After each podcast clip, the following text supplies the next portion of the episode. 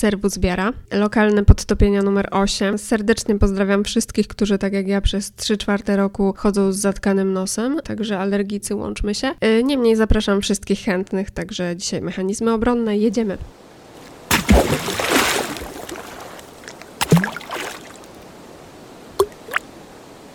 Szczerze Wam powiem, że omawianie takich kwestii y, człowieczych, nie wiem jak to inaczej nazwać, właśnie jak ta dzisiejsza, czyli mechanizmy obronne, jest dla mnie o tyle komfortowa, że odnoszę wrażenie, że znajduje przełożenie na osobę niezależnie od kontekstu, z jakiego została wyrwana. Mimo, że chyba trochę odchodzę od takiego typowo podcastowego formatu, gdzie moje przemyślenia wynikają z moich przeżyć i wydaje mi się, to jest w ogóle bardziej takie intuicyjne, jakieś takie bardziej ludzkie, przez co też w tym bym się pewnie czuła bezpieczniej i ten dzisiejszy odcinek jest bardziej taki twardy w swoich informacjach, przez co już rodzi trochę stresu i czy się dobrze zrozumiemy, no ale jedziemy, prawda? Też y, zaczęłam tak y, o tym, że osoba jest w kontekście, bo wszyscy żyjemy w jakimś kontekście, w jakiejś codzienności i mówię o tym dlatego, że te wszystkie klasyfikacje zaburzeń psychicznych, jak choćby DSM i CD, są oparte na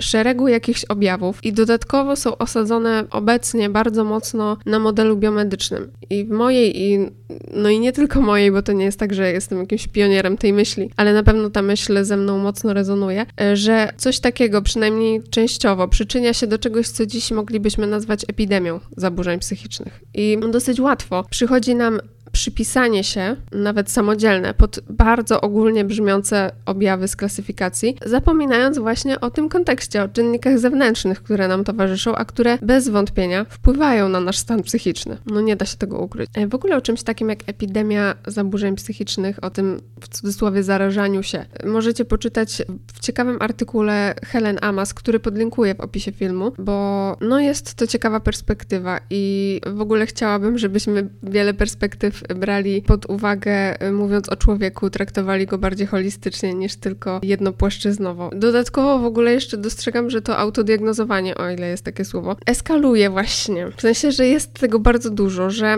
ze sprawą social mediów y, i też tego, że dopiero uczymy się w tej erze nadmiaru informacji kategoryzować informacje, weryfikować je i jakoś odnosić do siebie, to że my sobie napędzamy też myślenie życzeniowe i zaczynamy postrzegać siebie jako kogoś zaburzonego, zaburzonego, chorego, zależnego i już w ogóle najgorszym e, skutkiem tego wszystkiego według mnie jest odbieranie osobie i sobie nadziei na to, że można wyzdrowieć, chociaż też zdrowienie w tym kontekście wydaje mi się nieodpowiednim słowem, ale nie chcę być jakimś purystą, świrem e, psychologiczno-językowym. W każdym razie w takim podejściu z braku innego znowu słowa psychoterapeutycznym. Nadzieja jest bardzo ważnym czynnikiem, a jeżeli zakładamy, że coś jest wynikiem biologicznych niedomagań, to wtedy jest niezależne od nas, co z kolei prowadzi do tego, że odbieramy jednostce, co też brzmi bardzo odczłowieczająco, ale odbieramy jej sprawczość. Generalnie w modelu biomedycznym, czyli może w ogóle wyjaśnię w jakim, czyli tym, który nam daje twarde objawy, jak przy chorobach fizycznych. Oczywiście chodziło o znalezienie jakiegoś jednego wspólnego języka pomiędzy specjalistami i o jakieś ujednolicenie. I o ile jest to droga, która no, no nie dziwi, to jednak uważam, że nasze życie wewnętrzne jest jest pewnego rodzaju abstrakcją, mimo że może brzmieć to pejoratywnie, jak coś, co żeśmy sobie wymyślili, to nie o to chodzi oczywiście. I skoro jest abstrakcją, a nie przysłowiową, wiecie, złamaną ręką, nie wiem dlaczego powiedziałam przysłowiową, nie ma takiego przysłowia. Niemniej, no, złamanej ręki nie da się pomylić, e, no nie wiem, z pokrzywką po kontakcie z alergenem. Tutaj mamy, tutaj to widzimy, tu jest to jasne.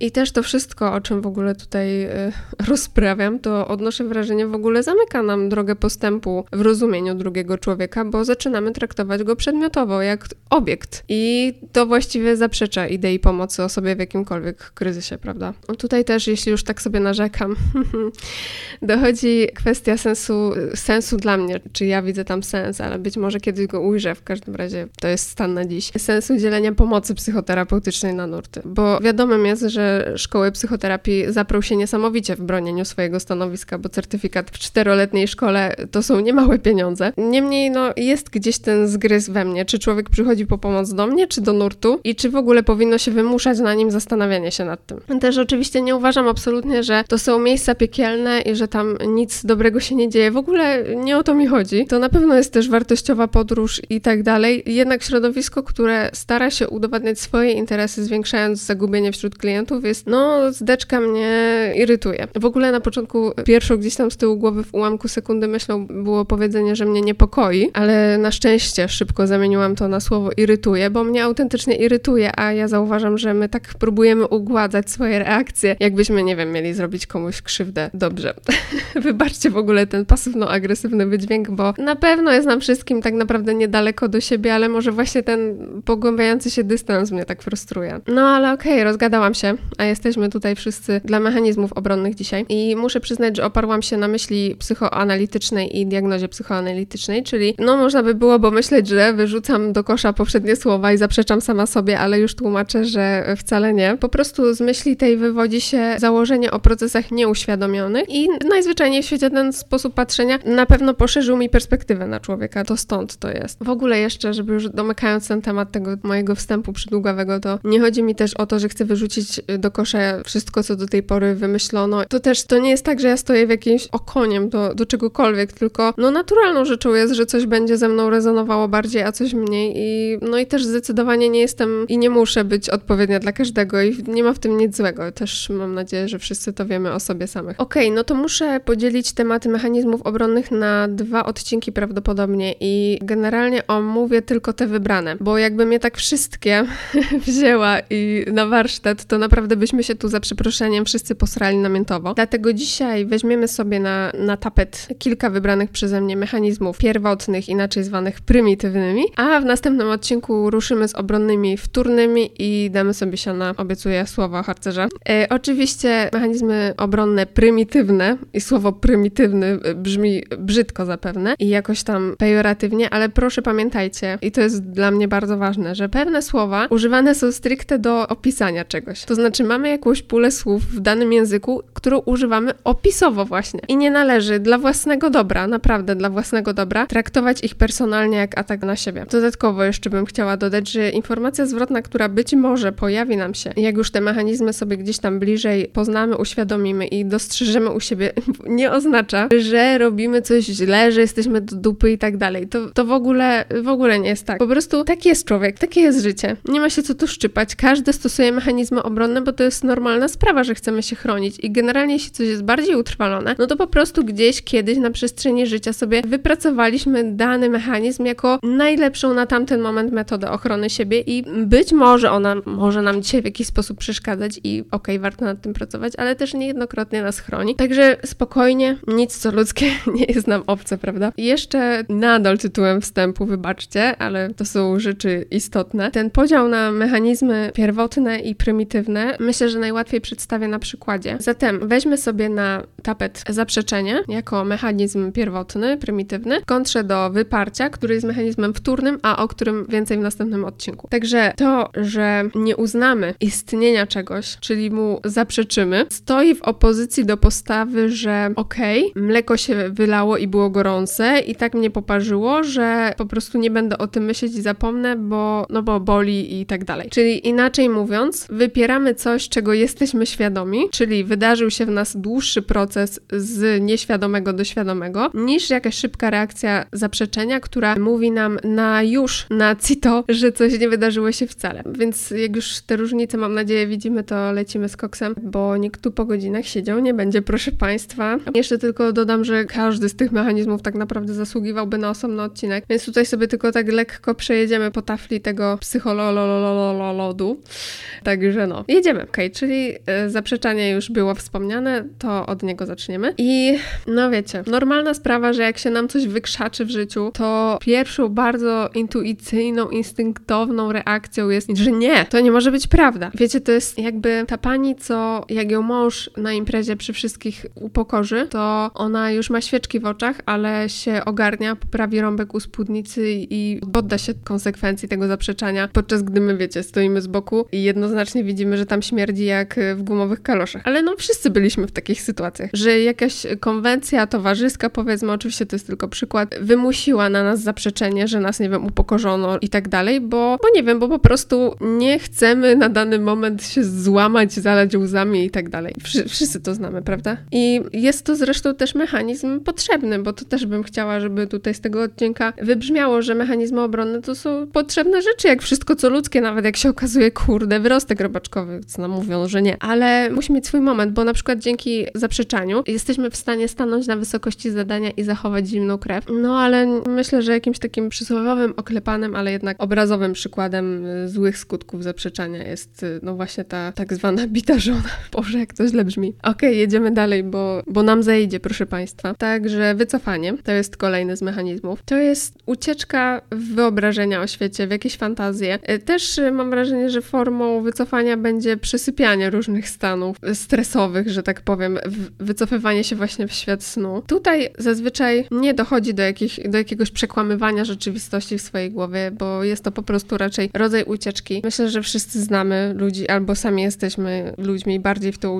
uciekającymi, bardziej predysponowanymi oraz no, znamy też tych mniej i normalka, bo ludzie są różni. Wielu z nas zresztą y, nie będzie widziało nic złego w tym, że ktoś się chowa w swoje zasoby, ale ciężko też o nie wiadomo jakie pokłady zasobów, jeśli bazujemy tylko na wewnętrzu. No i też y, warto pamiętać, że nadmierne naciskanie pewnie osób z tego typu tendencjami może sprawić, że się będą zamykać w sobie. To już szczególnie podejrzewam, może dotyczyć dzieci. I też, no, domyślam się, że na pewno jest to pewnego rodzaju trudność obcowania z osobą wycofującą się, bo mamy mało informacji zwrotnych, no bo taka osoba nie chce, bądź też boi się angażować emocjonalnie, bo konsekwencje rozczarowań są dla niej nie do zniesienia niejednokrotnie. Okej, okay. E, kolejnym e, mechanizmem obronnym, który wybrałam do tej listy dzisiejszej jest skrajna idealizacja i dewaluacja. I myślę, że każdy rodzic czy opiekun, ale nie tylko, tylko że to jest taki najbardziej jaskrawy przykład, doświadcza tego, jak widzi, że dzieciak dostrzega w nim kogoś, kto ogarnia i jest super bohaterem. W ogóle to nawet chyba widać u ludzi, mam wrażenie, którzy zapominają, że ludzie u władzy to też tylko, no, no właśnie ludzie.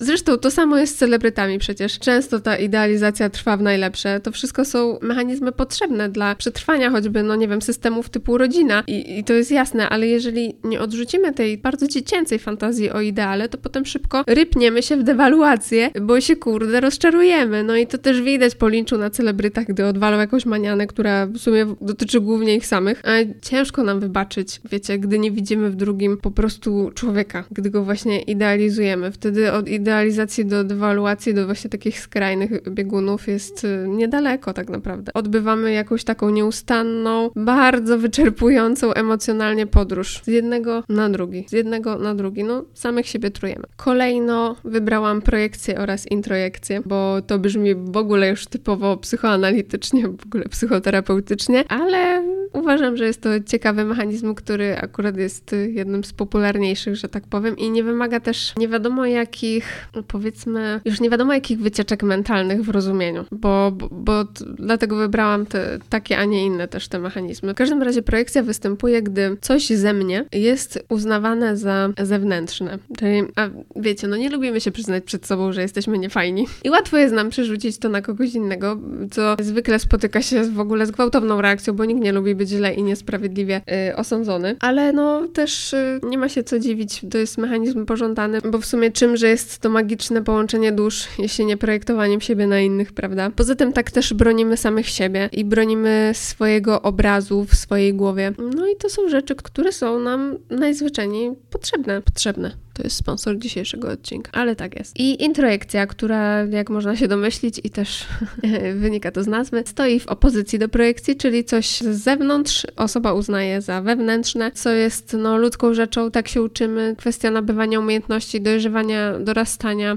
Tyle się przecież mówi, że dzieciak będzie taki, jaki ty jesteś, a nie mówisz, że jesteś, no i coś w tym jest. Do dupy prawdopodobnie robi się, gdy w obliczu jakiegoś zagrożenia przejmujemy cechy agresora, no i wtedy już wiecie, agresja rodzi agresję. No, tych zagrożeń trochę jest. E, ostatni z mojej listy mechanizmów na dziś przygotowanych to somatyzacja, proszę Państwa. I to chyba każdy z nas autopsji już tak naprawdę, gdy dochodzi w nas do wyrażania emocji w sposób fizyczny. Bóle wszelkiego rodzaju i inne wątpliwe przyjemności. E, często mówi się o tym jak o symulowaniu, ale proszę nie dać się zwieść. To, to, to nie jest symulowanie. Symulowanie to jest, proszę Państwa, jakiegoś rodzaju celowe jednak działanie, a tutaj mamy do czynienia z odpowiedzią organizmu na jakieś hmm, bolączki umysłowe. Mm, no bo jesteśmy całością, to wszystko jest w komitywie, oni się tam znają ze sobą w środku. Mózg sobie rozmawia z wątrobą, wiecie o co chodzi. No to są, to, to są ich tam sprawy wewnętrzne, nie możemy ich rozdzielać, bo będą smutni. A tak serio to, to,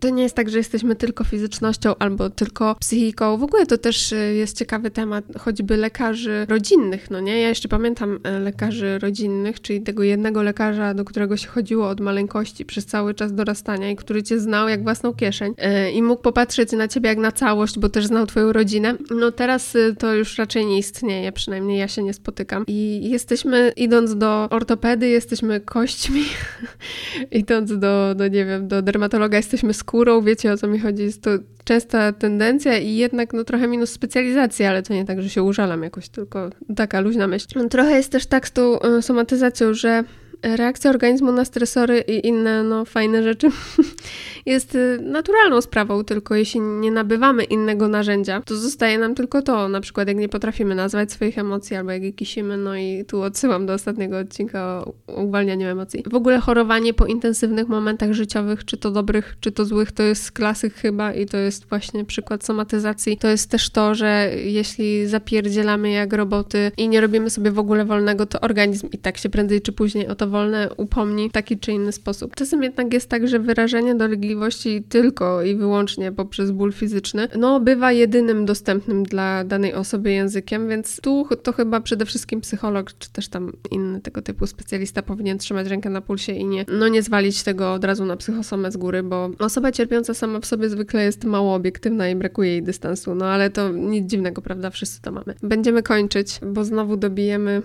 y, jakichś chorych minut na tym przecież zapowiadanym jako krótkim formacie. Ale wybrałam te, a nie inne mechanizmy, bo uznałam za łatwiejsze do zauważenia w życiu codziennym.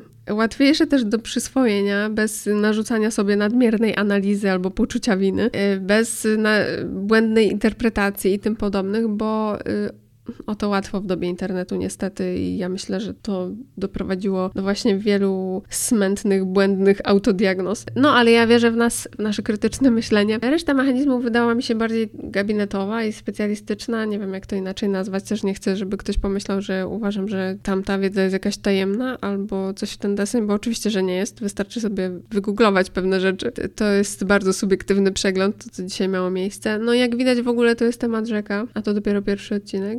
drugi jeszcze przed nami. No i staram się tutaj kondensować informacje jak słodkie mleko pod karmel, żebyśmy nie pozasypiali. No ale proszę Państwa, czy ktoś mówił, że będzie łatwo? Nie. E, zresztą nie o łatwość chodzi. My chcemy być wyżej, jak to śpiewał pan Sokół. No i tyle. Trzymajcie się ciepło do następnego odcinka. Może zechcecie napisać, e, czy w którymś z mechanizmów tutaj przedstawionych się odnajdujecie, czy z czymś macie problem, czy coś udało się wam przezwyciężyć. No nie wiem, wszystko jest mile widziane i słyszymy się niedługo. Wszystko przed nami.